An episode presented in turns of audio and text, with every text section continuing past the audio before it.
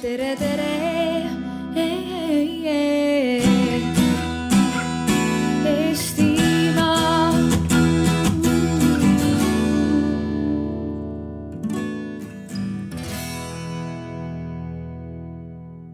head kuulajad, lugupeetud diskussioonis osalejad. mul on hea meel näha, et nii mitmed inimesed on kogunenud meie arutelule, mis puudutab äh, usu ja veendumusvabadust. see esimene plats siin on Arvamusfestivali kõige parem plats. sellepärast, et ta on varjus ja teiseks siin on nõlvad nagu lauluväljakul täna me siis räägime sellest, millise määrani on usu ja veendumusvabadus sallitav, millise määrani see on salliv. Ja me teeme kõigepealt nõnda, et me saame tuttavaks meie arutelus osalejatega, keda teleekraanilt enamus tunnevad. siis me püüame natukene täpsustada neid mõisteid ja sõnu, millest me rääkima hakkame ja siis me katsume välja jõuda ka selleni, mis on need äh, sallivuse piirid ja määrad. valdavalt saavad sõna arutelus osalejad, vaatame, kuidas meie asi läheb. aga meil on olemas ka rahva mikrofon. nii et äh, kui kellelgi on vastapandamatu soov midagi öelda, siis see võimalus võib teil tulla, aga see ei pruugi nii, aga läheme asja juurde ja kunagi, kui ma käisin ühel etiketikoolitusel Tiina Tšatšua juures, siis tema ütles, et esimene asi tuleb teha selgeks, kes on kes. Ja meie tänaseid arutluses osalejaid me ju tunneme, teame avalikust elust. aga ma palun siiski, et te igaüks tutvustaksite ennast. Ja kui mina olen psühholoog, siis öelge midagi enda kui inimese kohta, no kas töökas või ingel või parasiit või noh, kuidas siis kellelegi antud on. Ja no teeme esimese korra nii-öelda rivilise harjutuse, hakkame siit Ristost peale, aga pärast meil läheb nii-öelda dünaamilisemaks. tervist, minu nimi on Risto Agur, olen äh, abielus äh,, nelja lapse isa, usutunnistuselt katoliiklane ja elukutselt vandeadvokaat. ja aitäh. aitäh, mina olen Urmas Viilma, hetkel siis Eesti Evangeelse Luterliku Kiriku peapiiskopi ülesannetes äh, sellesse rolli usaldatud ja olen abielus üle kahekümne aasta juba ja meie peres on teismeline tütar. ja ma ei oska öelda, kuidas ma ennast iseloomustan. parasiidiga päris äh, nõustuda ei tahaks. aga ma pakkusin ingli ka ühe variandina ei, sellest kaugel inimene. Ülle Madise. aastast kaks tuhat viisteist pean õiguskantsleri ametit. Enne seda olin riigiõiguse professor ja riigipea õigusnõunik ja pidanud ka muid ameteid eri paigus. kuidas töö välja on tulnud, eks seda oskate teie hinnata. vähemalt saan kinnitada, et annan alati oma parima ja niimoodi on korraga nii raske kui kerge, et eks ma terve elu olen üritanud õigluse ja mõistlikkuse eest kompromissitult võidelda. aga tulemus on teiste hinnata. Raul Rebane, pensionär äh, kaua aega, ma arvan, üks kakskümmend viis aastat olen rohkem mitte tegelenud sellega, kuidas asjad on, vaid kuidas nad välja paistavad ehk põhiliselt kommunikatsiooniga. ja kui siin otsustati abielust rääkida, siis mul saab ka sügisel nelikümmend neli aastat täis. nii et ja kui mingi ühe sõnaga öelda, siis uudishimulik ehk. ja mina olen Tõnu Lehtsaar, olen religiooni ja suhtlemispsühholoog ja hetkel pean Tartu Ülikoolis töötajate nõustaja kaplani ametit, nii et mina hoian ülikooli rahva hinge, hinge siit, keda mul on kokku siis kolm tuhat kuussada ja iseloomult vist kõige mugav on see kõige õigem sõna. nüüd Eh, katsume siis rääkida natukene sellest mõistest või ühest põhimõistest. et mida üldse tähendab usu ja veendumusvabadus. me elame ajal, kus minu arvates eh, sõnadel on tendents devalveeruda ja üks sõna võib tähendada mõnel juhul täiesti erinevaid asju erinevate inimeste jaoks. ja eh, enne kui me läheme nüüd arutelus osalejate juurde ja kui ma palun teil vastata, mida teile tähendab väljend usu ja veendumusvabadus. head kuulajad, mina tahan teiega teha nüüd ühe liikumisharjutuse, ma näitan teile, kuidas see käib. mina küsin teie käest, kes teab, mida tähendab usu ja veendumusvabadus? nüüd ma loen kolmeni, üks, kaks, kolm ja teie näidake, kuivõrd te teate. kui te pigem ei tea, pange käsi õla peale. kui te enam-vähem teate, pange nii-öelda nina kõrgusele ja kui te täitsa teate, aege käsi püsti. klaar. mida tähendab usu ja veendumusvabadus? üks, kaks, kolm. no rahvas, vaadake ringi. täitsa valgustatud seltskond, ma kuidagi eeldasin, et neid kõrgeid käsi on vähem, aga aitäh teile. E, aga nüüd e, küsime siis asjaosaliste käest ja teeme seda vabas järjekorras e, mida tähendab väljend usu ja veendumusvabadus? Te võite oma ameti, oma isikliku veendumuse seisukohast seda öelda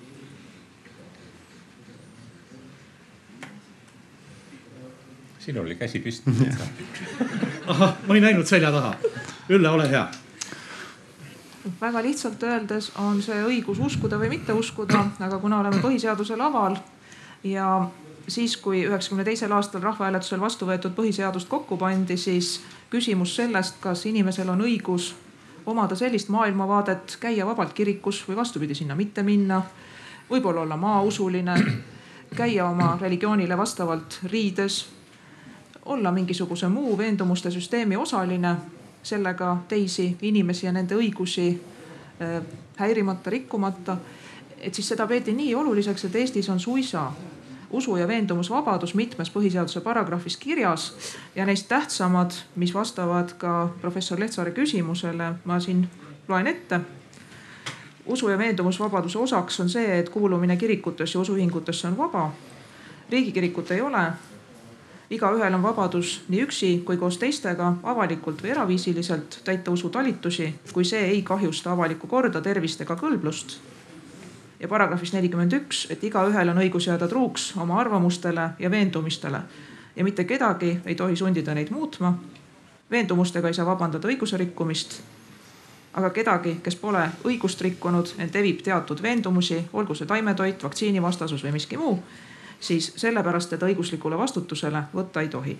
et see on see, mida ütleb meie põhiseadus ja võib-olla konteksti mõttes, et kust sündis põhjalik arutelu teemal, mis on usu ja veendumusvabadus Põhiseaduse Assamblees ja ka ühiskonnas. et siis need, kes siin mäletavad niinimetatud nõukaaega, et need saavad niigi aru ja kes ehk ei mäleta, siis võtke kätte äsja Loomingu Raamatu, raamatukogu kuldsarjas ilmunud Milan Kundera kogumik ja lugege sealt Eduard ja Ruma, Jumal. Ja lugege näiteks seda stseeni, kus Eduard kutsutakse jumalateenistusel käimise ja avalikus kohas risti ettelöömise eest kooli juhataja kabinetti, ta oli õpetaja. ja siis toimub seal umbes selline arutelu, et kas teie seltsimees aru ei saa, et jumalat ei ole olemas, keegi pole näinud, keegi pole tõestanud ja me ei saa lubada, et meie lapsi kasvatatakse niisuguses vaimus, te siin lööte risti ette, käite pühapäeval kirikus, noh. ja siis selle peale Eduard ütleb, jaa seltsimehed, saan aru küll ei ole olemas, ei ole tõestatud, aga teate, mina usun. Seltsimehed, ma olen otsekohene, ma usun. ja et just nimelt vältida sedalaadi painamist, mida Milan Kundera seal suurepäraselt kirjeldab. noh, asi on õige mitmekihiline, nii et lugege ise, et see asi pole ka nii üheline.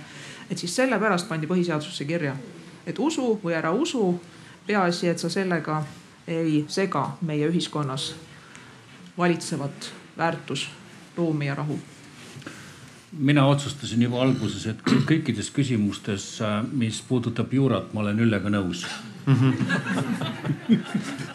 kas, kas see on alates tänasest või oli see varem juba?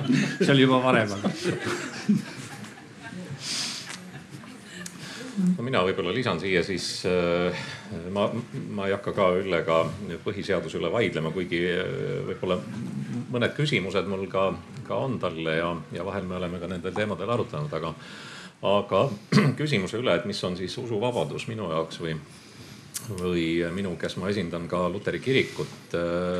minu jaoks on oluline just nimelt see, mida äh, õiguskantsler kenasti kirjeldas, et mul on õigus äh, uskuda, oma usku tunnistada ja, ja selle alusel ei saa mind keegi diskrimineerida või ei tohi seda teha äh, aga mida ma pean oluliseks, on ka see, et ka järgmistel põlvkondadel säiliks see, see õigus ja, ja sellepärast peavad tänased põlvkonnad selleks vaeva nägema. ja, ja ma püüan ise ka, ka selle eest oma, oma ülesannetes ja ametites seista. et, et see usuvabadus sellisel kujul säiliks kõigile inimestele, mitte ainult kristlastele. aitäh, Risto. Ähm, ma arvan, et usu ja veendumusvabadus on noh, tehniliselt öeldes äh, õigus omandada, omada, väljendada enda tõekspidamisi.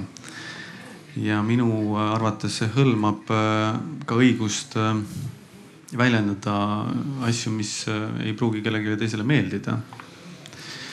et Euroopa Inimõiguste Kohus on, on, on korduvalt öelnud, et, et usu ja veendumusvabadus on üks demokraatliku ühiskonna alustalasid Eesti põhiseaduse preambula ju algab, et kõikumatus usus ja vankumatus tahtes. et, et, et see kinnistab seda inimõiguste kohtu seisukohta selles osas, kui oluline on usu ja veendumusvabadus teostamine inimese elus. ja, ja see on ühtlaselt, ühtlasi oluline nii usklikele kui ka mitteusklikele. et ähm, nii agnostikutele, skeptikutele kui ka ükskõiksetele. seda on samuti vist äh, inimõiguste kohus öelnud. aga, aga, aga minu arust siit tuleb nagu kaks asja. Äh, et esiteks äh, on see usutunnistuse sõltumatu nii-öelda privileeg. ja, ja teiseks, et tegelikult noh, nii-öelda inimesi, kes millessegi ei usu, ju tegelikult ei olegi olemas. kes usub äh, jumalasse, kes usub rahasse, kes usub äh, oma mõistusesse, kes teadusesse. et need väljendusvormid on nii erinevad ja kõiki neid äh, peab austama. ja seda see õigus ka minu silmis tagab. nii, suur tänu. nii et kui püüda kokku võtta, siis see usu ja veendumusvabadus tähendab seda, et inimene võib uskuda, mida tema tahab, väga laialt öelda. nüüd eh, ma küsiks rahva käest jälle. nüüd ma loen jälle kolmeni, üks, kaks, kolm. ja teie näidake näppudel. kas sellest määratlusest te saite endale midagi uut või olulist? üks, kaks, kolm ja kui kümme saite väga palju, üks saite nat-, noh. seda ka ei ole, et midagi ei ole, see oli kas isalikku teekivil jätab jälje ristikivi? vot ristikivi, jah. üks, kaks, kolm, näidake näppe. nii, on kõiki, kõige madalam on üks ja kõige kõrgem on kuus, mida ma näen. aitäh. aga nüüd eh, sellest arutelust tuli välja. Eh, Ülle nimetas seda, et me võime uskuda, mida me tahame. aga see ei tohi kahjustada ühiskondlikku väärtussüsteemi, oli niisugune väljend ja Risto nimetas seda, et usu ja südametunnistuse vabadus tähendab õigust ka öelda seda välja, mis kõigile ei pruugi meeldida. ja me jätame kõrvale selle teema, et on hea maitsega inimesed ja halva maitsega inimesed aga mõned asjad võivad olla niisugune olemuslik või nagu vanasti öeldi, ontoloogiline vastuolu, et nii ei saa, nii ei käi. ja vot see viib meid nüüd sallivuse teema juurde. ja kõige lihtsam oleks öelda, et sallivus võiks asendada sõnaga sallimine, mis tähendab salli sisse mähkimist ja siis me saaksime sellest kõik ühtemoodi aru. aga kui me räägime sellest kui niisugusest sotsiaalsest hoiakust, äh, siis äh, muutub asi keerulisemaks. ja äh, kui me nüüd mõtleme sõnale sallivus, siis ma küsiksin siin meie panelistidelt seda, mis asi sallivus ei ole vot vahel me peame sallivuseks midagi, eks ole mi,. Mi, mi, mis asi ta ei ole? no kas ta noh, näiteks ei ole kõikelubatavus või, või ei ole eneseõigus, ma ei, ma ei tea, mis, eks ole. et kui te mõtlete, mis asi sallivus ei ole. jah. kui ma võin alustada, et minu arust sallivus ei ole kõikelubatavus, kõikelubatavus on anarhia. et ähm, on, ma arvan, et me kõik oleme nõus, et on maailmas väga palju asju, mida ei peaks sallima. näiteks kuritegevus, aga ka väljaspool seda ähm, asju, mis võib-olla ei ole ühiskondlikult hüvelised.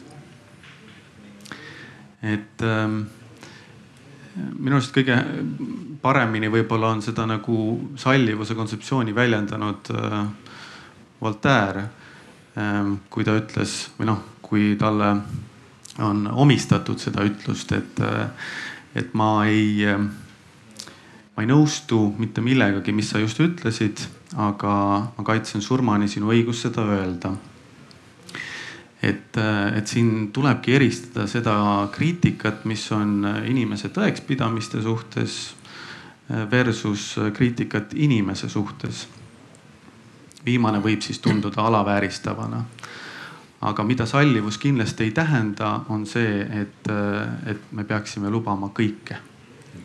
sallivus ei ole kõike lubatav. teiste arvamusi veel, mida te lisaksite, mis sallivus ei ole või mida sageli minu kiusatus sallivuseks pidada? Urmas, ole hea. Äh, minul on selle terminiga äh, sellepärast probleeme, et, äh, et see on nii puudulik, see termin sellisena. ma mõned aastad tagasi ka oma iseseisvuspäeva jutluses ütlesin, et sallivuse taotlemine on poolele teele minek, et me peame taotlema ikkagi mm, armastust. ja, ja see ei ole tühi sõnakülks, ma seletan ka, mida ma mõtlen selle all ehk siis äh, sallivus on, äh, on, on, on puudulik, sest ta sunnib meid lihtsalt inimest äh, välja kannatama sellisena, nagu ta on ja, ja võib-olla see on ka ühiskonnas see maksimum, kuhu maani me saame minna. aga me kristlastena peame ikkagi minema edasi, me peame jõudma sinnamaani, et, et hoolimata sellest, et teisel inimesel on teistsugune nägemus teatud küsimustel, ka teistsugused veendumused ma pean teda armastama. mis see siis tähendab? armastus ei tähenda tingimata nõustumist ja minu meelest kõige parem on, on seda katsetada ju oma lähisõpradega või sugulastega. meie kõigi lähiringkonnas on inimesi, kes ei jaga meiega täpselt samu väärtusi, samu veendumusi, ometigi me armastame oma, oma lähisugulasi, me armastame oma sõpru. ja, ja minu meelest me peame minema, ehk siis sallivus ei ole armastus. Ja, ja sellepärast ma ise väga harva kasutan seda mõistet, sest äh, minu jaoks see on poolik, see on poolik tee. Äh, ja, ja ma püüan liikuda selles suunas, et ka, ka isiklikult, et, et ma ei lõpeta dialoogi eh, kunagi kellegagi sellepärast, et, eh, et me oleme täiesti teistsugustel arusaamadel. Eh, ja, ja püüan jätkuvalt suhestuda või suhtuda teise inimesse nõnda, et, et tal ei jääks ebameeldivat tunnet minust temaga suhtlemisel, ehk siis äh, kuidas saavutada seda täiuslikku armastust, äh, sellel teel me kõik oleme, mina kaasa arvatud. aga, aga sallivus on, on äh, poolele teele minek ja leppimine miinimumiga minu meelest. aitäh. Nüüd kujuneb meil jälle sama järjekord, aga Ülle, ole hea. tahtsin öelda nii nagu Urmas siin enne mind juba ütles, et et sallivus on sõna, mida mina ei kasuta. ja ma ei kasuta seda põhjusel, et ta on niivõrd ebatäpne. ma ei tea, mis see on, ma ei tea, mis on sallivus, ega ma ei tea ka seda, mis on sallimatus. küll aga ma tean seda, mis on meeldimine, närvidele käimine, umbusk, eelarvamus. Ja seepärast ma soovitan selge keele ja selge mõtte huvides alati millestki kõneldes, kas teise religiooni esindajatest, võib-olla inimestest, kes mingil põhjusel ei meeldi, kasutada täpseid sõnu. et kas te peate silmas eelarvamust, umbusku? on tegu lihtsalt kurjusega, sellest ma saan kõigest aru. täpselt nii nagu ma saan aru sellest, et inimese elu eesmärk võiks olla, olla nii hea kui võimalik. võib-olla püüda teha teisi õnnelikuks, neid armastada või vähemalt mitte teha neid õnnetuks. ja päris kindlasti sallivuseks ei saa pidada Margus Laidre hiilgavas essees, mida ehk olete lugenud, Kaks minutit vihkamist.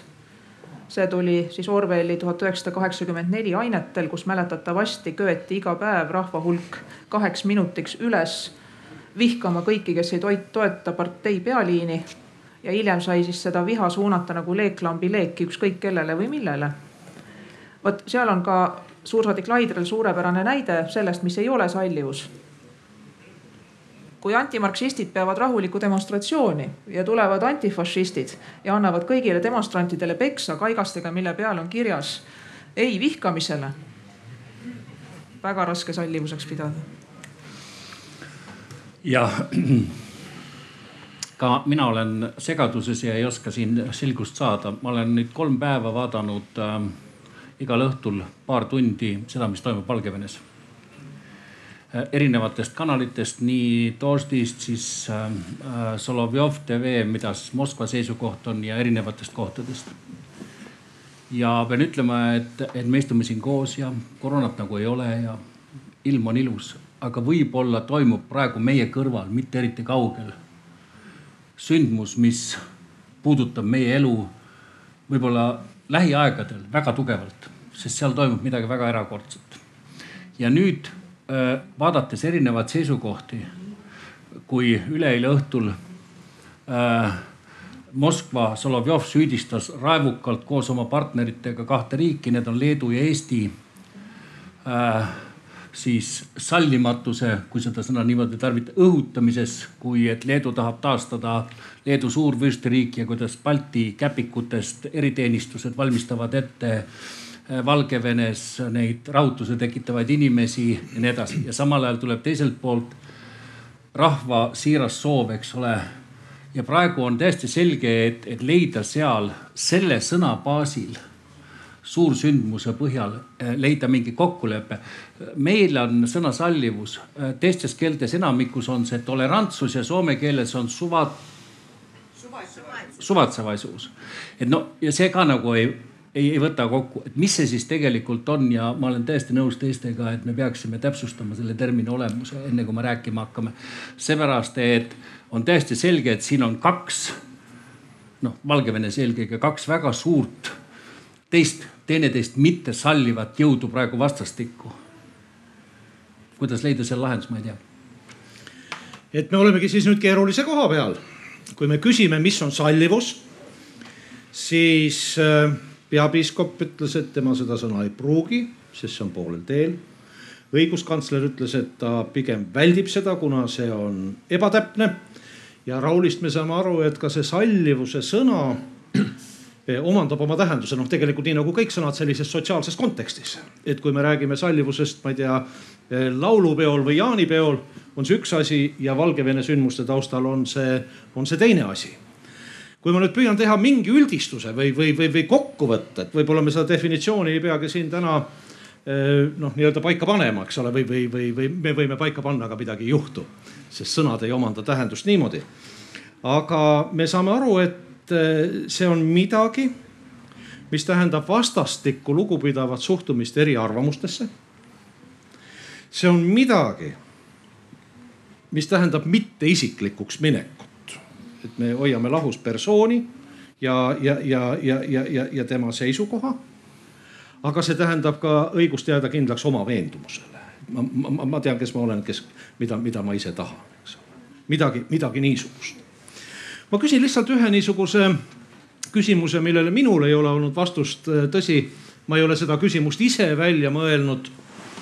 aga ka ajakirjanduses on seda vastuolu tõstatatud tegelikult Ülle näitas see ühe sõnaga, et kui kolgitakse kaikaga, mille peale on kirjutatud ei vihkamisele, et siis on selles vastuolu.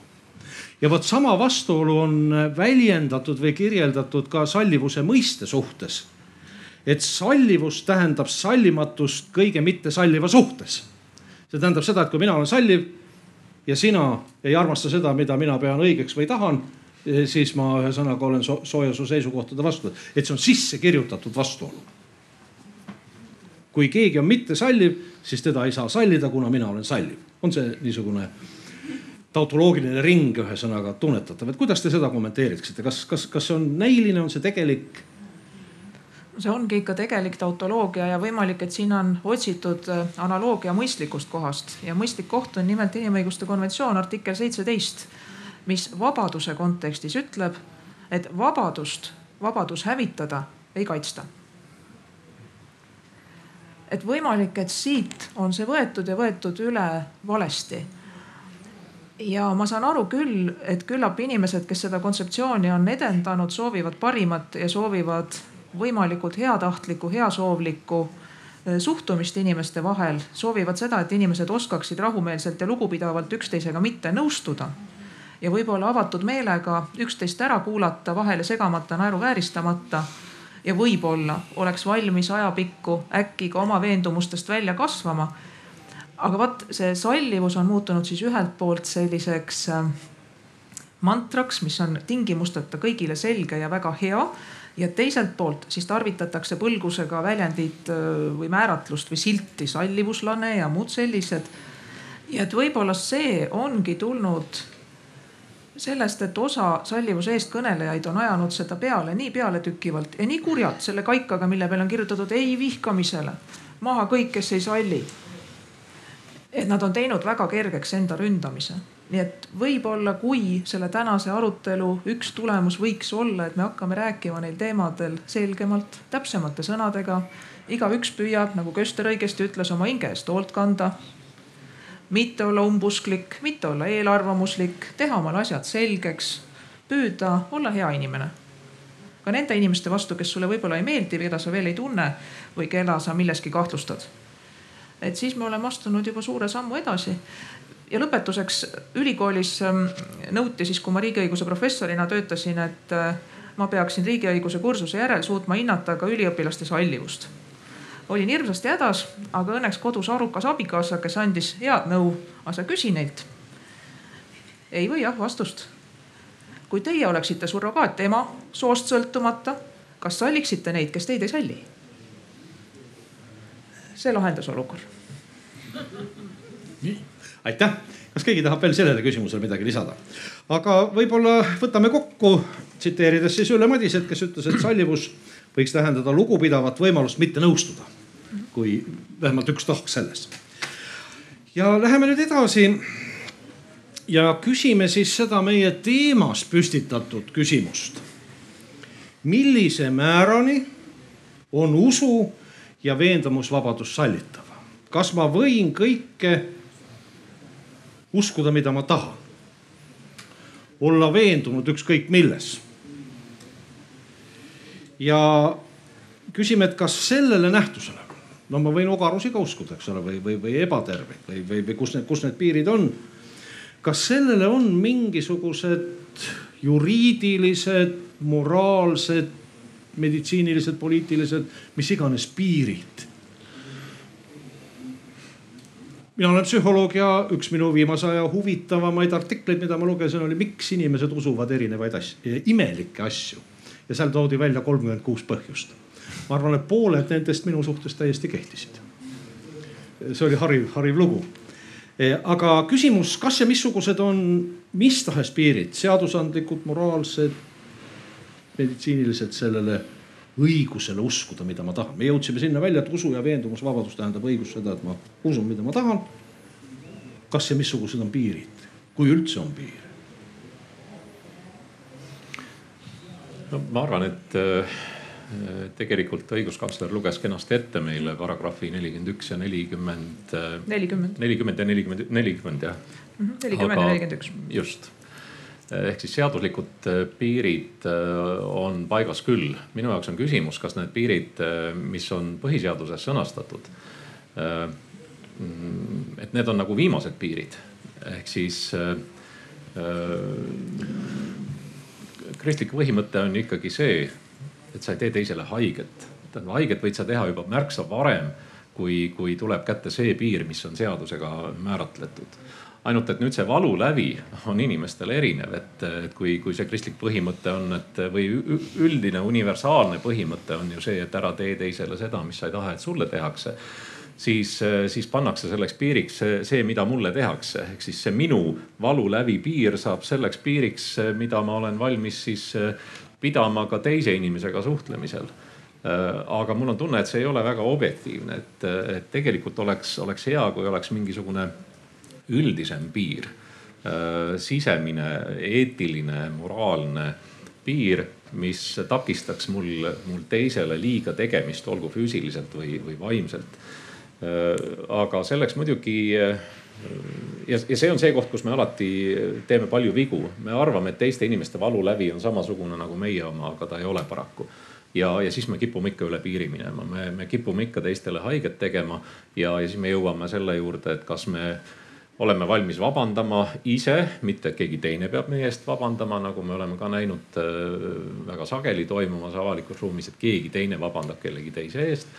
et me peaks ikka ise olema valmis, valmis vabandama, sest see näitab, et me, me tõepoolest õpime oma vigadest, me õpime ka, ka sellest Äh, kus on see piir konkreetse inimese või isiku või, või äh, kellega iganes suhtlemisel, ehk siis, ehk siis see piir on, on, on see valulävi, aga, aga me ei saa normiks pidada iseenese valulävi ainult. me peame ikkagi eeldama, et teistel inimestel on, on äkki madalam valulävi, siis me ei tee vigu nii et see piir on kusagil inimeses endas mingi, mingi, mingi, mingi no see tuleb kasvatusest, see tuleb äh, kogemusest, äh, see tuleb äh, sellest, et sa teadlikult tahad olla lugupidav teiste suhtes, see, see nõuab enesega tööd kogu aeg, et see ei ole mitte lihtsalt huupi tulistamine sõnade või, või rusikatega vehkimine ja, ja siis katsetamine, et noh, et mida ta välja kannatas. mul on tunne, et sellist suhtumist on, on praegu väga palju, sellist huupi lahmivat sõnadega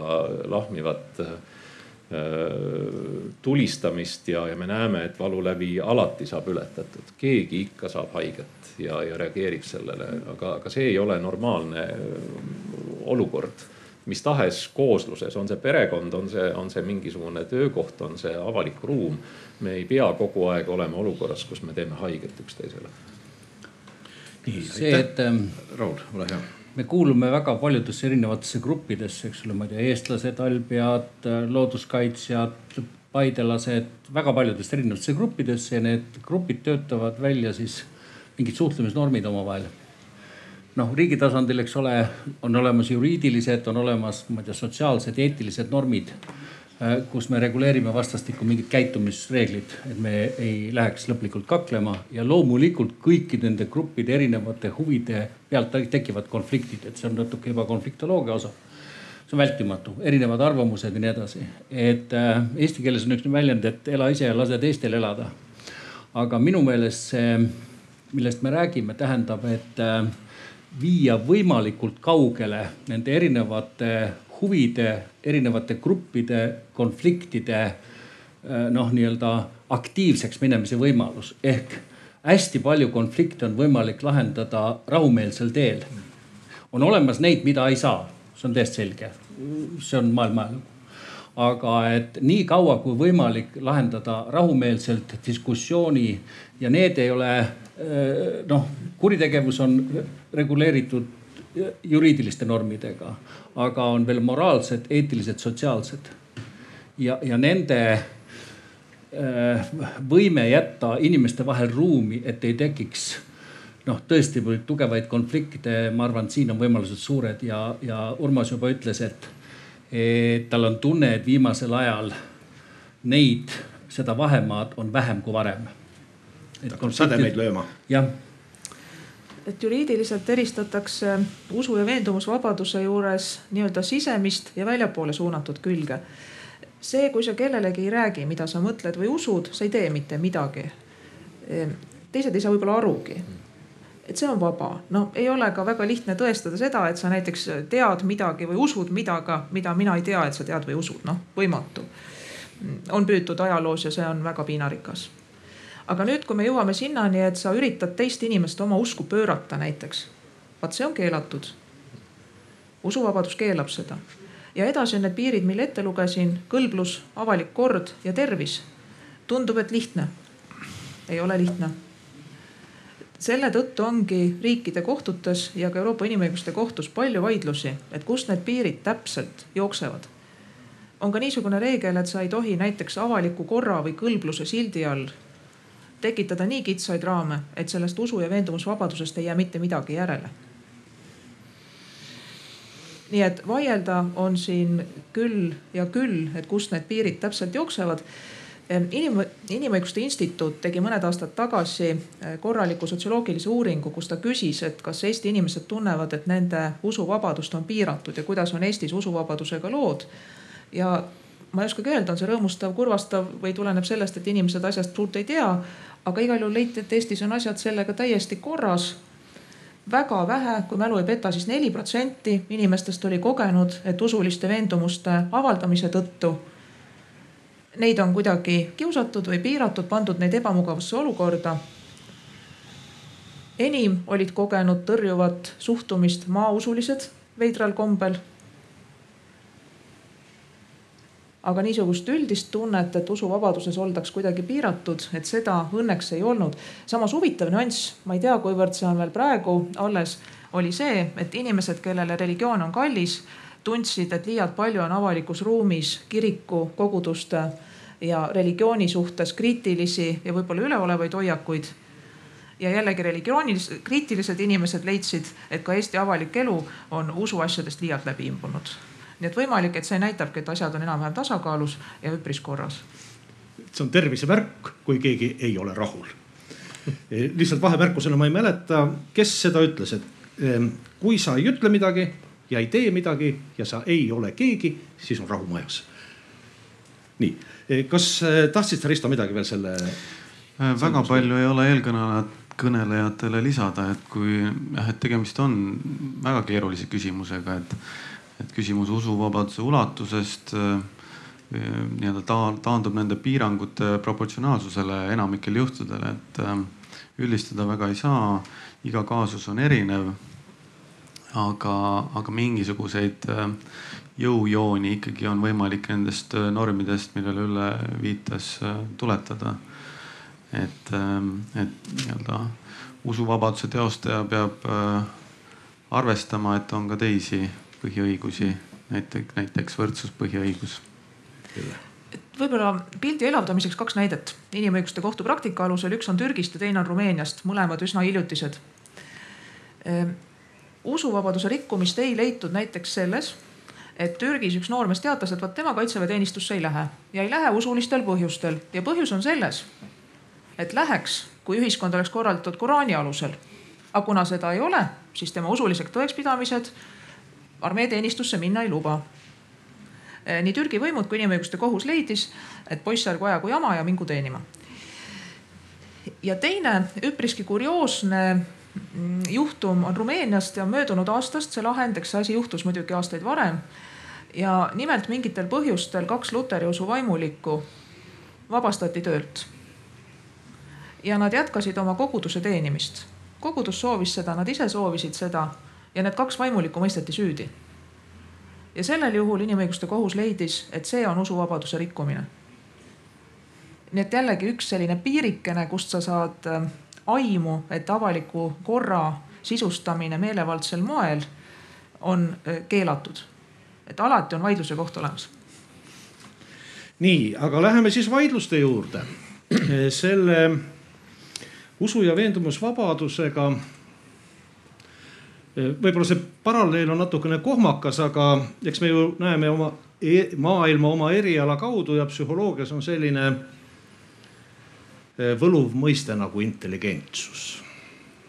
ja kui me küsime, kes siis on intelligentne inimene, vot siis see intelligentsus peab kuidagi avalduma milleski. me, me, me, me ei saa seda taba, nii nagu musikaalsus, eks ole, ta peab kas ilusti laulma või instrumenti mängima, nii ka intelligentne inimene peab kas palju teadma, hästi arvutama, oskama suhelda või, või olema keeleliselt tugev, mis iganes. E, see tähendab seda, et see anne avaldub kuidagi ja vot nüüd ka erinevad veendumused avalduvad kuidagi meie praktilises igapäevaelus. ja kui me tuleme tänasesse Eesti ühiskonda, siis meil on üsna mitmeid selliseid teemasid, mille kohta me saame öelda, et need on ühiskonda lõhestavad teemad. inimesed on diametraalselt erinevatel seisukohtadel. näiteks kooseluseaduse küsimus, mis puudutab inimeseks olemise, homo küsimust üldse, abordi küsimus immigratsiooni küsimus, ehm, rahvusriikluse küsimus, võib-olla rahvusküsimus üldse laiemalt. Ja ma ei hakka siin välja tooma neid eh, noh, erinevaid äärmuslikke seisukohti, me, me ju sisuliselt teame neid. ja nüüd tekib siis küsimus, et kuidas me siis seda elu elame siin. kas elu on püha või ei ole püha? kas imetajad on biseksuaalsed või nad ei ole seda? kas rahvusriik, mille eest me lubasime süüa kartulikoori, on nüüd häbiasi või on aeg muutunud? Ja võib-olla tänane küsimus on siis, mis me siis nende eriarvamustega teeme, eks ole. sest noh, kuidagi Šveik ütles, et seda ka ei ole, et midagi ei ole. et, et noh, mis me siis teeme, eks ole. ja, ja, ja kui me raiume midagi seadusse ja see noh, piirab kellegi õigust uskuda ja südant vabalt tunda mis siis saab? ja küsimus on, et kuidas me siis selle praktilise eluga hakkama saame. Raul, sa, sa, sa näed välja, Raul, nii et sa tahad öelda äh, ma teen selle asja veel keerulisemaks. et äh, need konfliktid ja, ja probleemid, mis sa esile tõid ja mis praegu tõepoolest on ühiskonna, ühiskonnas suure arutluse all on ajas väga jõuliselt muutuvad.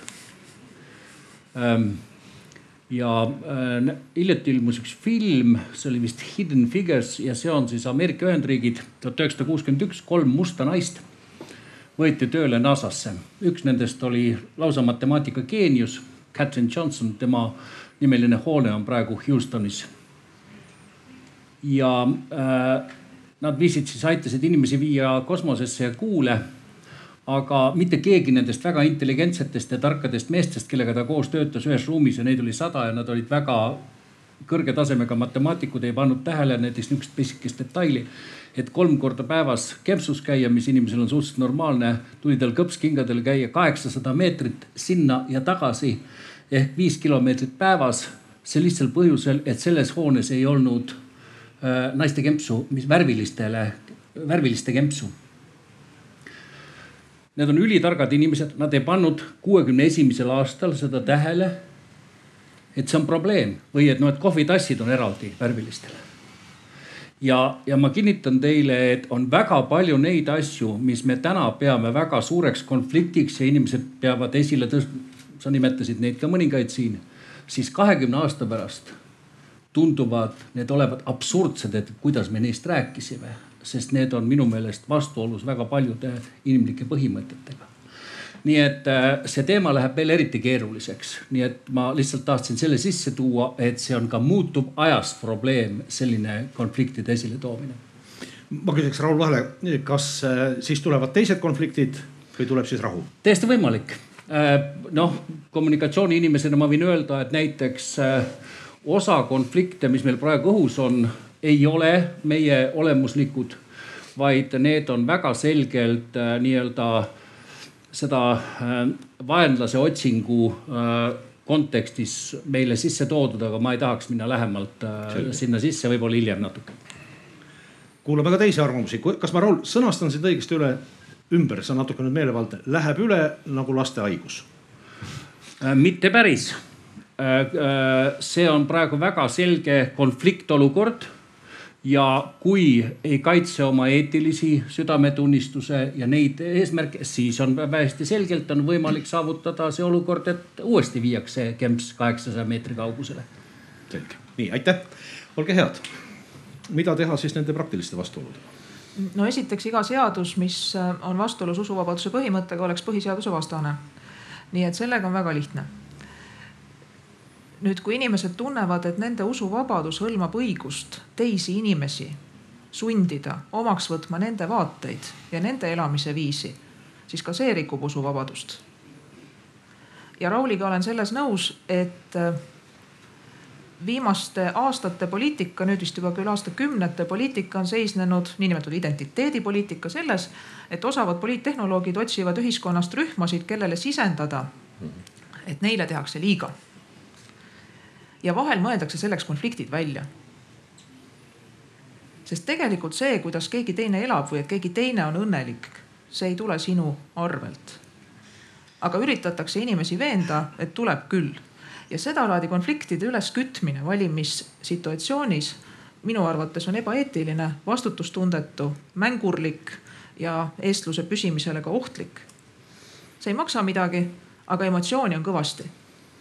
nagu mäletate, ränderaamistiku arutelu suur osa ühiskonnast suudetigi panna uskuma, et tegemist on lepinguga ja et kuskil on migrantide hordid. Polnud ainustki erakonda, kes seda oleks soovinud ja see veider segases keeles paber, niinimetatud rändepakt, ka midagi sellist ette ei näinud. aga inimesed pandi uskuma. inimesed olid väga kurjad. ja eks selle kooseluseadusega läks umbes samamoodi. ma loodan, et minu küüniline seisukoht või hinnang ei ole õige, aga ma kardan, et võib olla küll see kisma ei maksa mitte midagi, seisukoht on kõigil, kannatanuid on see protsendike või kaks, keda see otseselt puudutab. ja samas on võimalik valimistel edukalt polariseeruda seejuures teema ümber, millel laias laastus pole suuremat sorti tähendust. Ja lihtsalt lõpetuseks, kooseluseaduse teema jäeti sellisena õhku ja ühiskonda polariseerima minu arusaamist mööda täiesti teadlikult. sest need inimesed, kes rakendusaktid eraldi jätsid, teadsid väga hästi, et selleks pole mitte ühtegi põhjust. Nendest rõhuv enamus ei nõudnud viitekümmet ühte häält ja oleks tulnud liita põhitekstiga mina kahtlustan, et see jäetigi poliittehnoloogiliselt üles, nii nagu seda tehakse igal pool, sest sa saad valimistest valimistesse inimesi hirmutada. öelda, et teid me kaitseme neid me vihkame, te vihake omavahel ka. Mina püüdlen mõistlikkusele ja rahu suunas ja mina arvan, et eestluse säilimisele ei aita mitte kuidagi kaasa see, kui siin Eestimaal meie üksteist armastamise asemel vihkame. peapiiskop, nüüd on vaja kõrgemat häält.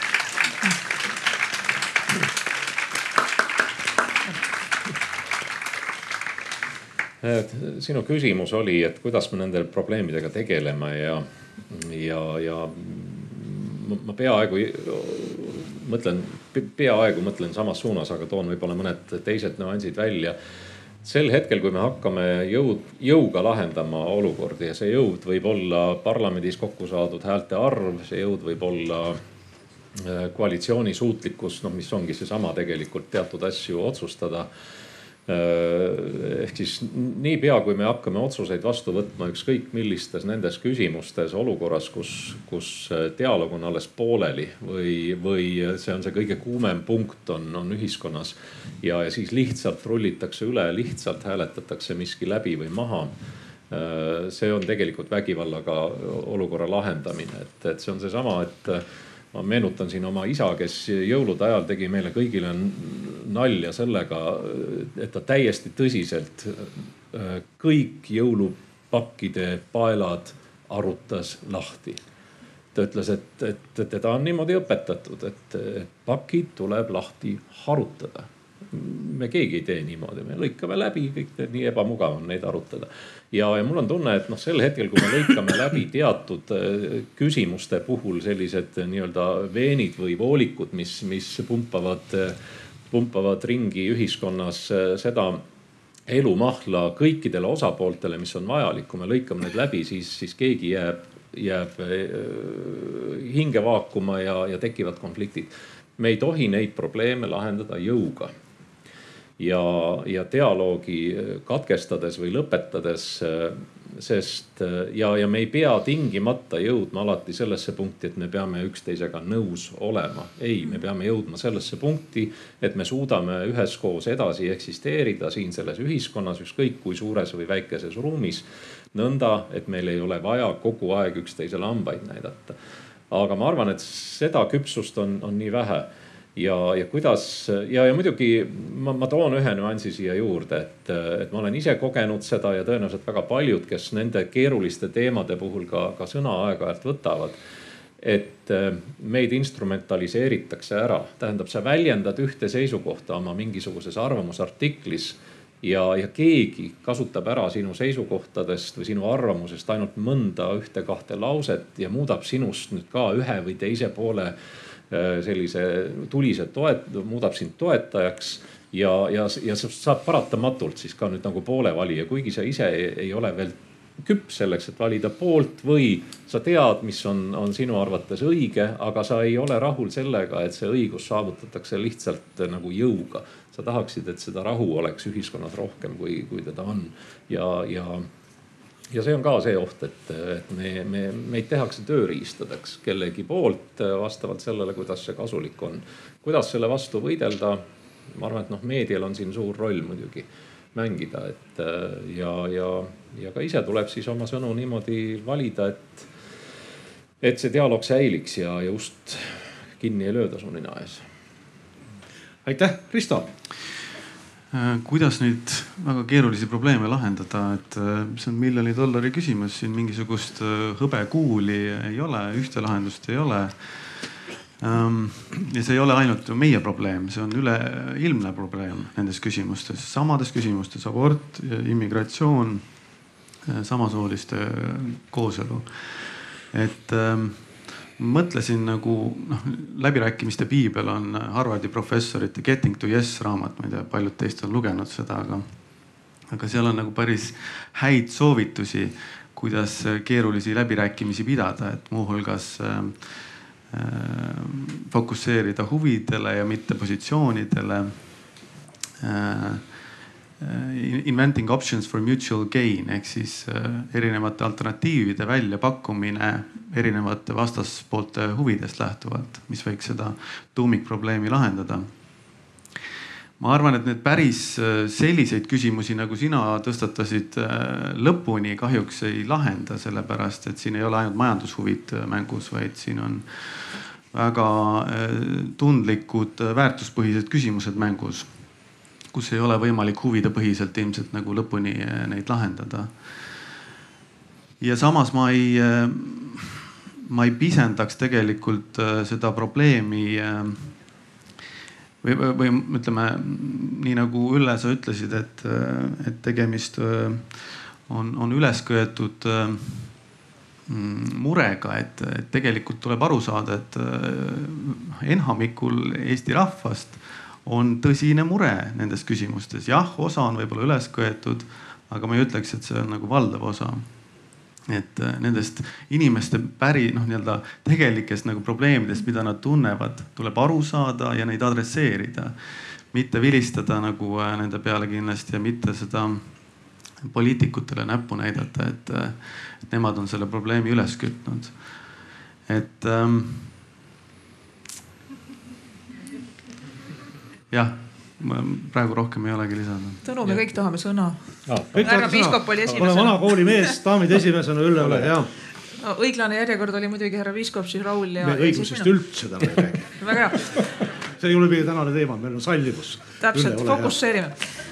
mina tahtsin öelda vaid seda, et täiesti nõus, sa ei tohi mitte kunagi teise inimese hirmu või tunnet alavääristada.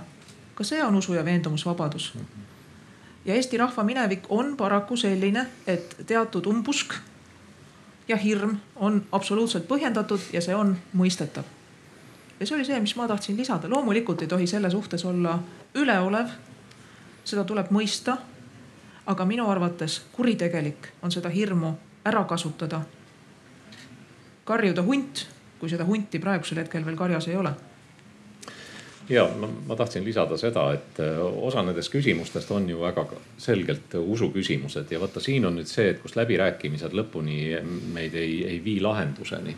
et, äh, et on, on usuküsimused, elu on püha, see puudutab abordi teemat näiteks, äh, see, see on usuline veendumus ja, ja siin äh, küsimus on nüüd, kuidas riik lahendab neid küsimusi, noh abielu teema ju samamoodi, see on, see on ju piibellik postulaat, äh, millele toetutakse äh, traditsiooniliste kristlaste poolt ja nende jaoks on see usu küsimus. ja, ja, ja ka nende usku ei saa kuidagi ju, ju naeruvääristada, et kuidas nüüd delikaatselt neid teemasid lahendada nii.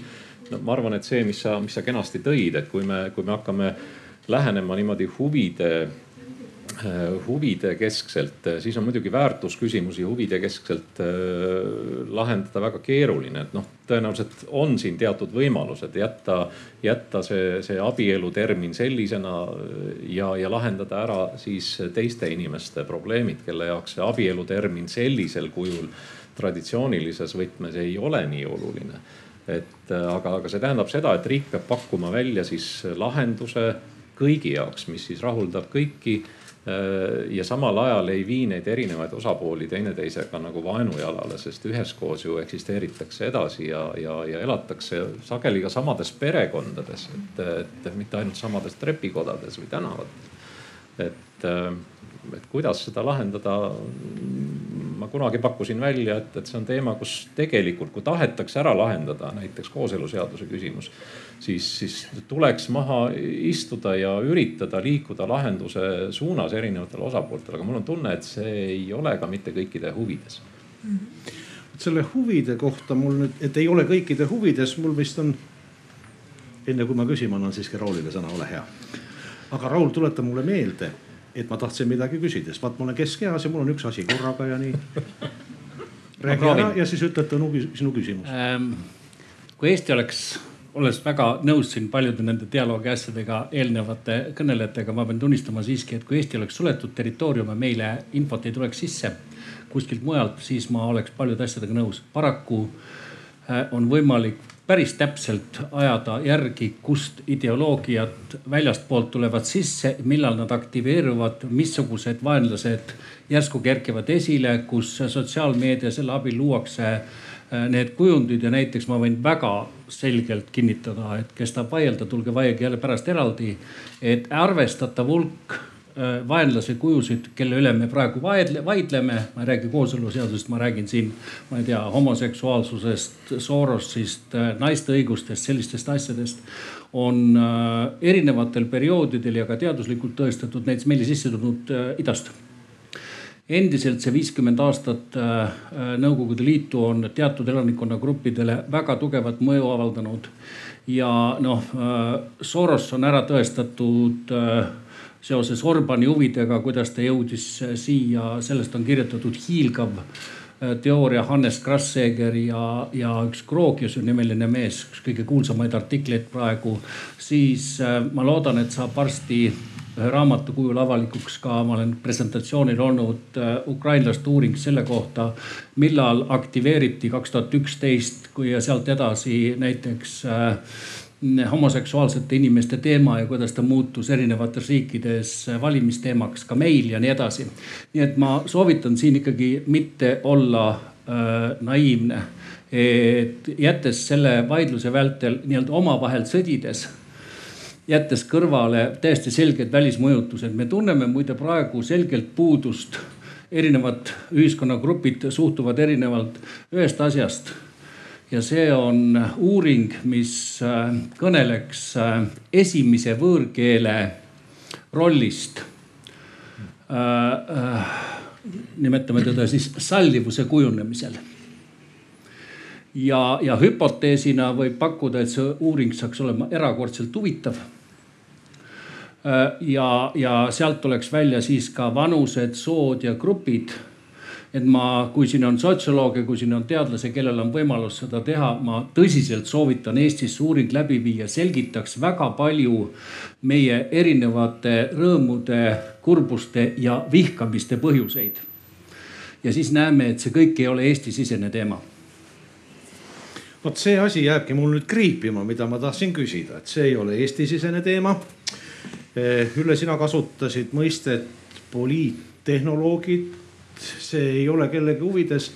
ja vot mina niisugune lihtne kodanik, eks ole, hoian inimeste hinge ja käin kalal. ja nüüd mul jääb niisugune tunne, et keegi manipuleerib minuga e, siin üks seltskond rääkis süvariigist, eks ole, et meid nagu nööre tõmmatakse, et, et nagu tuleb välja, et keegi juhib mind. no meditsiinipsühholoogias meile öeldi, et kui keegi hakkab kuskilt mujalt juhtima, siis see on teatud niisugune riskiga seotud et, et kus siin nagu see piir on või, või kes see karvane käsi siis on või kus ta. küsime niimoodi, head panelistid, kas teie olete vabad või ka keegi teid manipuleerib? nüüd see oli natukene segane küsimus, et, et kelle käsi see karvane siis on, eks ole.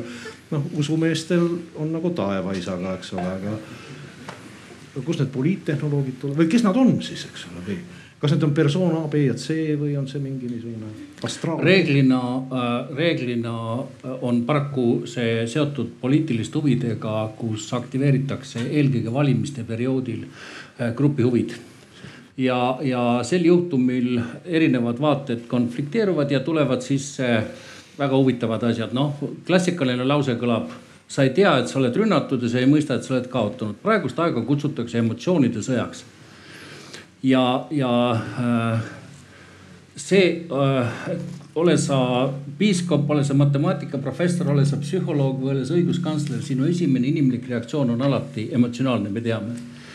ja, ja see, kuidas aru saada, kus suunas inimeste emotsioonid liiguvad, kirikul oli prioriteet võib-olla, ma ei tea, tuhat viissada aastat ideoloogia, riik lahendas majandusküsimused, kirik lahendas valdavalt inimeste emotsioonidega seotud küsimused. ja oli suurim emotsioonide allikas, nüüd on kirikule tekkinud konkurendid.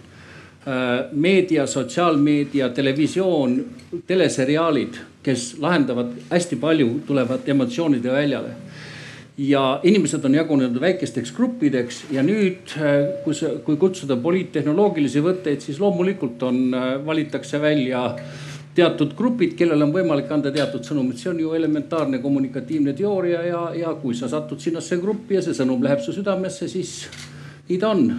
Äh, ja arvata, et meie Eesti on sellest võõras, siis see oleks viga. nii et kellegi grupi poliitiline. grupi huvid, loomulikult ja mida me selle vastu saame teha, ma siin võtsin kotist ühe artikli, mõtlesingi, et tuleb jutuks teile, head kuulajad, soovitan. kahekümnendal veebruaril kaks tuhat üheksateist ilmunud Müürilehes Toomas Lott, uskumise eetika ja polarisatsioon. väga huvitav, tugineb uuringutele ja muuhulgas ütleb seda. Eh, siin ta küll viitab ühele vanale professorile Cliffordile Ameerikast. et kui sa noh, oma hinge ja oma uskumuste eest hoolt ei kanna. ehk siis ei hoolitse selle eest, et sa ei lase endaga manipuleerida, et sa oled avatud meelega, et sa oled kriitiline ka selle suhtes, mida sa oled uskuma jäänud, mis sulle tundub, et sa oled alati uudishimulik, et sa surmani püüad intellektuaalselt areneda, saada paremaks inimeseks siis sa teed paraja sigaduse nii endale kui teistele. tsiteerin Toomas Lotti. et ehk siis vastus küsimusele, et kas sinuga manipuleeritakse, kindlasti keegi tahab manipuleerida aga meie kohustus, meie intellektuaalne kohustus, mis tuleb uskumuste eetikast, on see, et me teeme kõik, mis võimalik, et mitte lasta endaga manipuleerida ja veelgi enam, et mitte lasta endast esile tuua meie halvimat, kõige tumedamat poolt. et me kõik saame seda teha.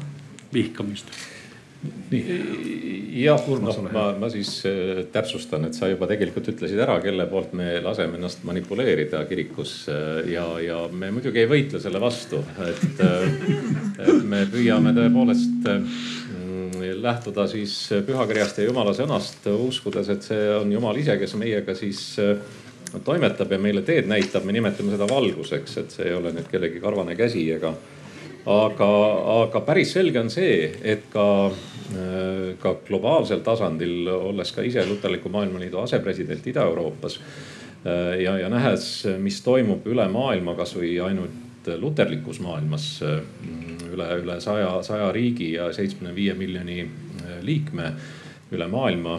Mm, loomulikult on seal, on seal neid, kes tahavad ka kirikut teha oma tööriistaks ja me näeme ju neid tendentse ka, ka Eestis, kus, äh, kus keegi kõneleb iseenesestmõistetavusega äh, sellest, äh, mis, millised on kristlikud väärtused või, või milline on kristlaste seisukoht ja, ja noh, minu jaoks on küsimus see, et, et miks näiteks ajakirjanikud sellisel juhul ei pöördu siis otse nende kirikute või kristlasi esindavate võtmeisikute poole ja ei küsi, et kas, kuidas see täpselt nüüd siis ikkagi on. meil on olemas Eesti Kirikute Nõukogu, kes tegelikult ka väljendab oma seisukohti ja, ja need ei ole mitte lihtsalt spontaansed hääletused, äh, vaid, vaid need on ikkagi arutelud ja põhinevad teoloogilistel aruteludel ja, ja tõdemustel.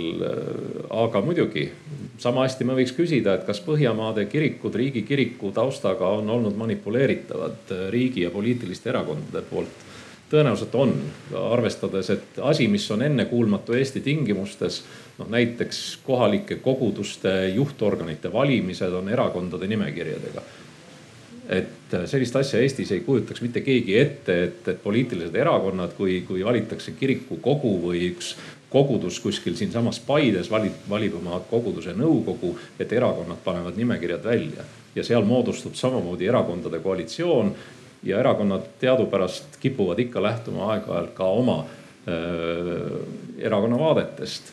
ja, ja siis me võime küsida, et kas selline ideaalmudel või vähemalt meile näidatud ideaalmudel, nagu on Põhjamaad, on alati äh, olnud äh, kiriku tegevus manipuleerimata. sellist poliitilist mõju, nagu tegelikult teoreetiliselt on olnud Põhjamaadel erakondadel kiriku tegevusse, sellist asja Eestis ei kujutaks mitte keegi ette. see oli viimati üle saja aasta tagasi, kui, kui mõisnikud panid paika pastoreid et, et siin meie Soome kolleegid võivad, võivad vastu vaielda või täpsustada, kas endiselt on erakondlikud valimised, aga, aga meie jaoks ennekuulmatu asi. aga läheme siit edasi.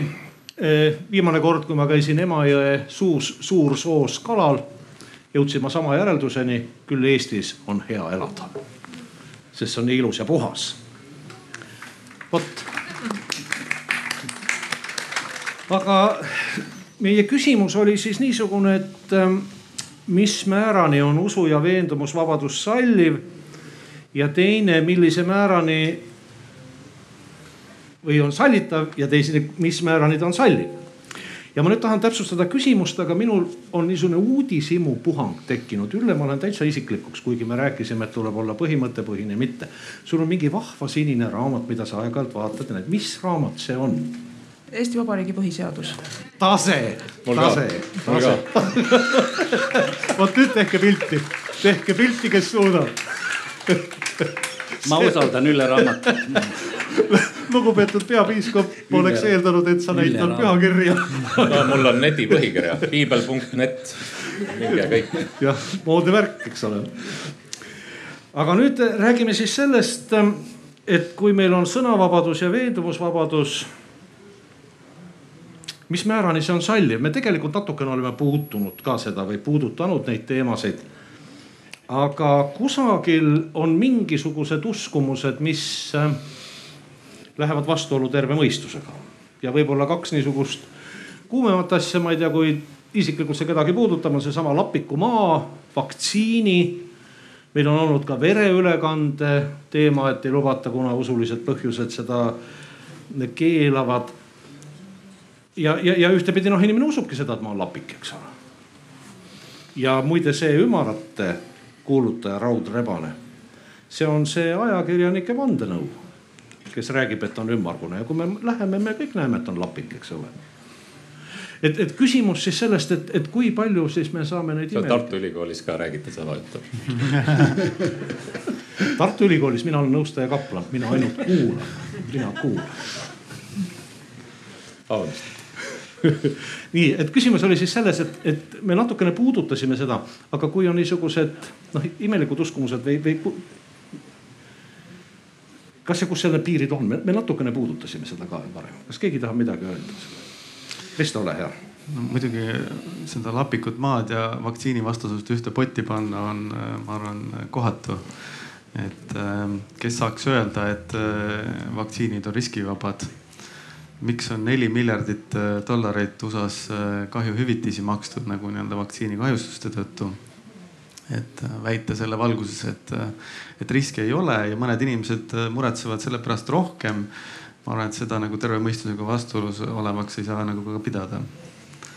et inimestel jällegi on mured, on ju, ja, ja, ja võib-olla mõned inimesed on tundlikumad nende murede osas. ja Lapiku maa suhtes ei ole keegi surma saanud õnneks mitte. no võib-olla on siin ka piiriks ühelt poolt ega meelelahutus ja ka näiteks ulmekirjandus või ulmelised mõtted peavad igaühele lubatud olema. põhiseadus kaitseb seda, et kui sa tahad uskuda, et Lenin oli seen, anna minna. või et meid juhivad reptiilid näiteks et isegi sellised ajakirjad on, kus kõiki neid müstilisi lugusid, ma saan aru, jutustatakse. ma arvan, et see on üksjagu meelelahutuslik žanr ja seda ära keelata võib-olla oleks isegi kahju. ja ulmekirjandus Eestiski kannab täitsa geni vilju, et igal aastal siin ilmub lühemaid ja pikemaid ulmejutte. nii et las see olla. asi läheb minu arvates käest ära siis, kui sedalaadi teadusliku ja loogilise põhjata uskumusi ja veendumusi hakatakse jõuga peale suruma eriti lastele ja seepärast on väga oluline küsimus see, mis toimub lasteaias ja mis toimub koolis. kui meil on ikkagi riiklik kool, üldine õppekava. et kas siis me saame lubada, et geograafiaõpetaja räägib, et äh, maa on labik. et ajalooõpetaja esitab mingisugust võigast narratiivi, et kehalise kasvatuse õpetaja on veendunud nudist ja seetõttu jookseb ihualasti ringi et noh, me loomulikult ei luba seda, et meil koolis on teatav kord on mingi ühine osa, et kõlblus eeldab seda, et inimene paneb ennast korrakohaselt kooli tulles riidesse, olgu ta õpilane või õpetaja, et ta kasutab sõnavara, noh, mille eest ka vanglas kartsa ei panda, mis on enam-vähem viisakas ja et see õpetuse sisu jätab lapsele ja noorele võimaluse oma uskumused ja veendumused ise välja kujundada. Nii et sealt hakkab minu arvates vaidlus, et mida me näiteks õpetame lastele koolis ja mida me surume teistele peale. Urmas ja siis Raul, palun äh, esmalt ma olen äh, väga tänulik, et, et õiguskantsler kooli teema tõi, aga, aga kust läheb piir, ma siin nõustun ka äh, Ülle Madisega, et me peame nagu vaatama, kus me oma, oma lapsi ja nende tervise ja elu ohtu seame. sa tõid vereülekande keelu näiteks või, või ütleme siis usulise veendumuse, et vereülekannet ei tohi lubada siis noh, meil on mõned kaasused Eestis ka, kus siis on korraks võetud ära vanemlikud õigused, et lapse elu päästa ja, ja, ja ma ise arvan, et see on olnud õige. Et meil on tänane seadus ütleb, et, et alates viieteistkümnendast eluaastast võib noor inimene valida iseendale usulise kuuluvuse või mittekuuluvuse, aga, aga kuni sinnamaani peab ka keegi neid ju kaitsma, eriti selliste selliste tegude eest, mis võib seada ohtu nende, nende tervise või lausa, lausa elu ja ma arvan, et see on nüüd see koht, kus, kus riik peab kuidagi sekkuma ja, ja seadustega toetama selle sekkumise. aga mis puudutab kooli siis äh, teadmistepõhine haridus on üks postulaat, mida me oleme kuulnud väga sageli kõlavat. ja, ja see on see koht, kus mina äh, olen ikkagi kogu aeg nagu tagasi põrgatanud küsimuse, et aga, aga usu küsimused, aga religioonid. Et, et me tegelikult oleme erandlikult Euroopa kontekstis valinud endale siis sellise tee, et me nendes küsimustes oma, oma uust, uusi põlvkondi ei hari, me jätame nad ilma teadmisteta, vähemalt ei ole seda piisavalt. Kuigi ka, ka erinevad Euroopa Parlamentaarse Assamblee sellised soovitused, millega ka Eesti on liitunud, juhivad ka tähelepanu, et, et haridus peab ka religiooni küsimustega piisavalt tegelema. meil ei tegele ja, ja nüüd ongi küsimus, et kui ei ole teadmisi kasvõi erinevatest kultuuridest, äh, siis noh, kuidas me lahendame noh näiteks mošee ehitamise küsimust, sest meie jaoks ei ole seda mingil juhul vaja. sest äh, meile piisab sellest, neidki torne on Tallinnas liiga palju, et, äh, et ehitatakse muudkui juurdegi, pole neid vaja.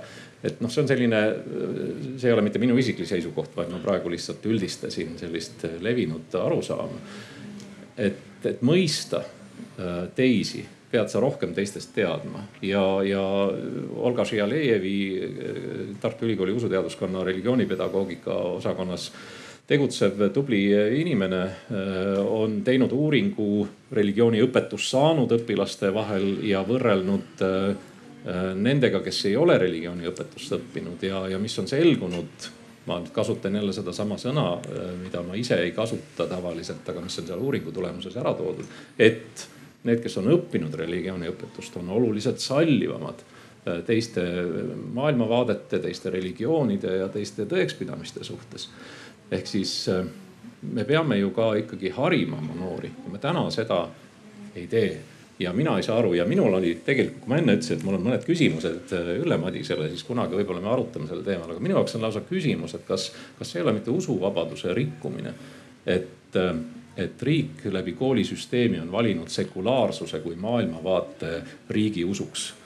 ja, ja, ja minu jaoks on see päris huvitav küsimus. aga ma ei arva, et me praegu peame lahendama seda. Raul, ole hea, aitäh.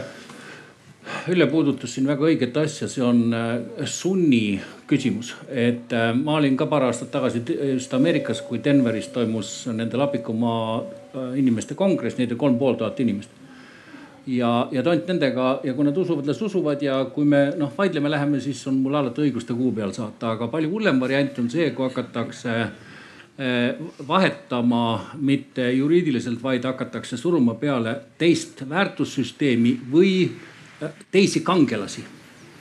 ja muide, üks Eesti iseseisvuse äh, väga olulisi alustugesid oli see, et tekkis raevukas protest meile peale sunnitud võõraste kangelaste peale, keda me pidime austama. näiteks kui mina hakkasin tööle minema Eesti Televisiooni nõukogude ajal, siis läksin ma Gagarini tänavalt kaudu Mitšurini tänavale, sealt äh, Suvorovist Gogolisse ja Gogolist Lomonossovi kakskümmend seitse.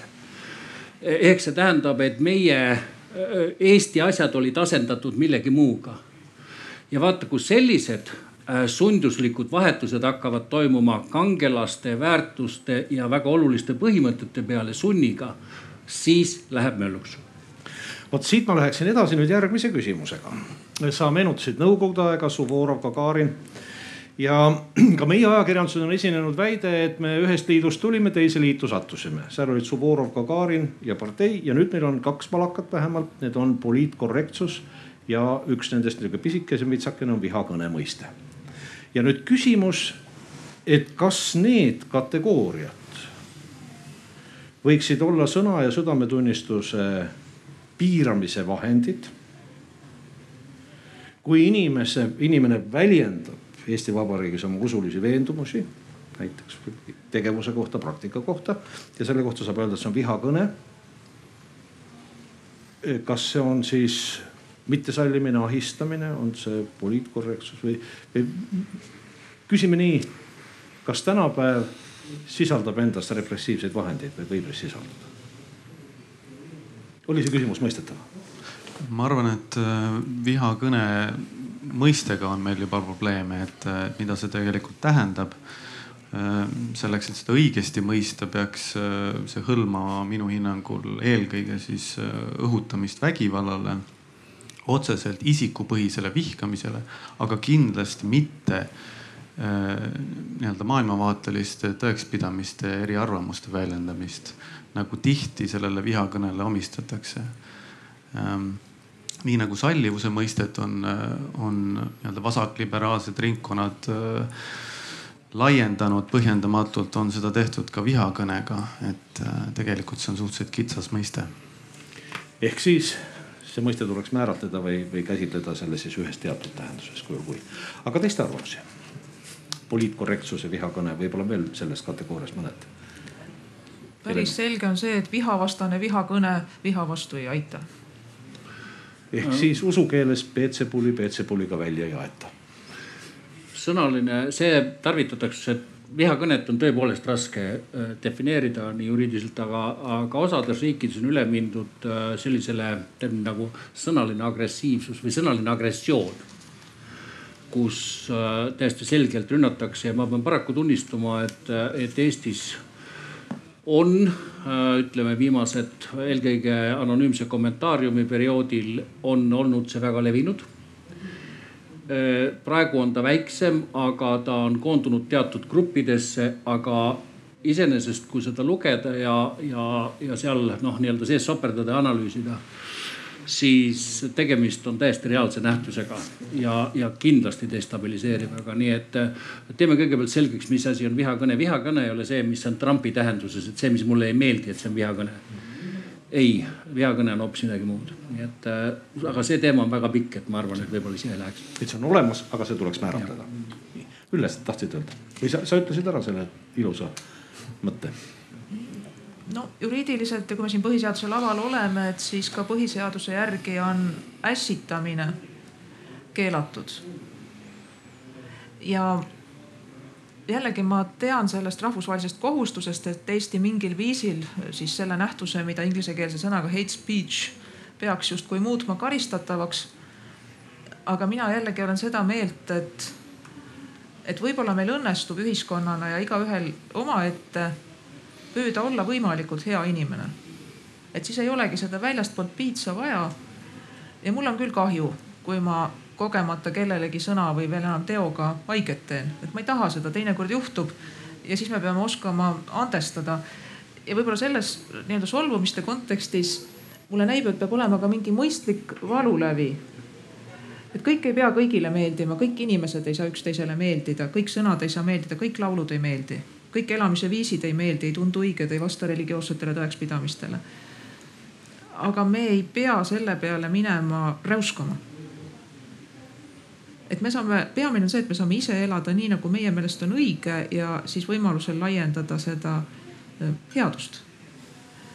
nii et kuivõrd on võimalik juriidiliste meetmetega keelata kurja sõnu öelda, noh küllap on aga asi, mida ma mõnede viimaste arengute valguses pisut pelgan, on see, et ega me kogemata ei jõua välja sinnani sellises sarisolvumise kultuuris, kus tuleb õigekeelsussõnaraamatu kõrvale välja anda lubatud fraaside leksikon, kus tähtis komisjon on üheskoos selgeks teinud, et kui sa kasutad neid fraase, no siis ei saa küll keegi solvuda. ja kui me sinna jõuame, siis on vabadusega kaputt no selles valguses ma olin hiljuti seltskonnas, kus üks väga nimekas tegelane ütles, et varsti keelatakse sõna pesuvalgendaja. nii, aga meie aeg hakkab jõudma. meil on veel natukene mahti ja paistab sedamoodi, et kui kellelgi on küsimusi, siis ma ei ole küll küsinud panelistidelt, aga ma saan ässitada rahva teie kallale ja pakkuda lahket võimalust, et eh, kui sobib, võiks omavahel rääkida aga ma teeks niisuguse lõpu, kuidas öelda, lausete või väidete ringi. olles ka väga tänulik selle osaluse ja teie panuse eest ja küsiksin nõnda. Mis on teie arvates kõige olulisem, mida täna Eestis peaks usu ja veendumusvabaduse teema raames kas tegema või millest peaks kindlasti hoiduma? usu ja veendumusvabaduste raames kindlasti tegema või kindlasti hoiduma. ja järjekord on taas vaba, Resto naeratab siin mulle, sa jätad mulje inimesest, kellel mõte on küps paar olulist märksõna võib-olla jah, et ähm, ma arvan, et me peaksime, oleks tervislik tõdeda seda, et et vabadus äh, on äh, ühiskondliku hüvena vähemalt sama, sama oluline kui võrdsus ja, ja tänast teemat arvestades, et usu ja veendumusvabadus ähm, on vähemalt sama oluline kui võrdsus põhiõigus. Mulle on jäänud mulje, et võib-olla viimasele on osut-, osundatud äh, põhjendamatult liiga suurt kaalu äh, usu ja va va veendumusvabaduse kõrval äh, kui siin mõelda paar aastat tagasi, kaks tuhat seitseteist oli võrdse kohtlemise seaduse eelnõu menetlemisel, et et see oli hea näide, kuhu me ei tohiks minna, minna inimesi nende maailmavaateliste tõekspidamiste põhiselt represseerima riigi sunnijõuga. Kui nad äh, peaksid olema vabad ise otsustama, kellega nad äh, lepinguid sõlmivad näiteks. teine asi, millele ma tähelepanu juhiksin, on see, et äh, et, et seesama sallivuse mõiste, et kindlasti ähm, me peaksime äh, nii-öelda kriitika puhul arvestama, et see on äh, kriitika siis äh, nii-öelda ideede, maailmavaadete, eluviiside ja mitte isikute põhine. Et selline, ähm, selline eristus on, ma arvan, oluline selle, selleks, et üle saada sellest solvumiskultuurist ühe, ühest küljest, et me säilitaksime vaba ühiskonna kus kõik saavad oma usu ja veendumuste vabadust teostada ja, ja, ja, ja ennast väljendada. aitäh. Nüüd ma pean psühholoogina näoilmeid lugema, kes on küpsed. ma võin lisada, et kui sa küsisid, mida peaks tegema, siis, siis minu meelest meie haridussüsteemiga ei ole kõik endiselt veel paigas, mis puudutab just usulisi teadmisi või usualaste või religioonialaste teadmiste, teadmiste jagamist piisavalt selleks, et, et noored saaksid teha otsuseid või ka suhelda lugupidavalt teistesse Äh, see on asi, mida, mida peaks tegema ja asi, mida ei peaks te tegema võib-olla konkreetselt ja kitsalt on seesama äh, vihakõne teemal. minu meelest me ei peaks siin asju reguleerima rohkem, kui, kui nad hetkel on reguleeritud. ehk siis äh, lõpuks me olemegi muidu nii, et me, me peame vaatama, kas me Kalev, Kalevipoega tsiteerida saame, et äkki on seal mõni väga väga vägivaldne väljend mõnes, mõnes, mõnes värsis ja, ja on see siis naabrite suunas või, või mis iganes, et, et äkki see on tõlgendatav vihakõneks. aitäh. igaüks ise saab oma hinge eest hoolt kanda, nagu öeldud, ja täita intellektuaalset kohustust, mitte lasta endaga manipuleerida, olla avam, avatud meelega ja uudishimulik, püüda maailma heatahtlikult tundma õppida ja saada ka teistest inimestest aru. ja kui me elame nii, et ela ise ja lase teisel ka elada, et siis ma arvan, et on rahu üpris kenakesti maa peal. ja poliitikutele, otsustajatele ja võib-olla avaliku arvamuse kujundajatele julgeksin anda nõu, et kuna mitte kellelgi ei ole kavatsust minu teada lubada lõhkuda Eesti väärtusruumi, et siis rõhutame igal pool, et Eesti mõte on olla Eesti ja Eesti peab jääma Eestiks. See võtab ka väga palju hirmusid maha, mille pinnal inimestel halvimaid jooni välja tuuakse. aitäh, ma läheksin siit just täpselt edasi, et ähm, mõni päev tagasi mõtlesin, et mis on kõige tähtsam päev mu elus ei ole üldse mingit kahtlust, see on kahekümnes august. see on pimeduse ja valguse vahekord, seda ma ütlesin ka abikaasale. et, äh, et naist võib mõelda elus mitu korda, mõni isegi mõnel läheb õnneks. et äh, see oli ikkagi mingisugune midagi muud, et tõepoolest naist või meest saab vahetada, Eestit vahetada ei saa. ja kui ma tarvitan seda äh, nii-öelda tänase paneeli siin osavõtjate sõna püha, siis selleks, et äh, säilitada see, mis meil on ja ühine, selleks laias laastus öeldakse, et on vaja kolme asja, et äh, peab kaitsma pühasid objekte, peab kaitsma pühasid tekste, kõige laiemas mõttes on ta muusika, on ta raamatud, ükskõik peaasjad tekstid ja nende tõlgendajaid ehk interpretaatoreid. ja kui te nüüd selle mõtte järgi vaatate, siis mis toimus neljakümnendal aastal, objektid hävitati, tekstid keelati ja tõlgendajad viidi Siberisse ja oledki valmis tööjõud ehk ori. ja, ja kui sellest aru saada, siis äh, me mõistame, et äh, tegelikult ükskõik millest me siin rääkisime, nagu Üllegi ütles, me tegelikult rääkisime kogu aeg Eestist et kuidas säilitada see, mis meil olemas on ja ma arvan, et see paneel oleks ennast väga hästi õigustanud, kui me vahetaks ühe tähe seal ära. ja äh, see on siis põhiseadus või oleks selle S-i asendaks sõnaga hash ehk tuleb põhiheaduse paneel, ma arvan, siis oleks korras. ma mõtlesin püha seadus mõlemad variandid sobivad. Eh, head kuulajad, suur tänu kõigile sellega me võtame nüüd meie paneeli kokku. ma usun, et me igaüks võtame siit kaasa midagi, see miski on erinev.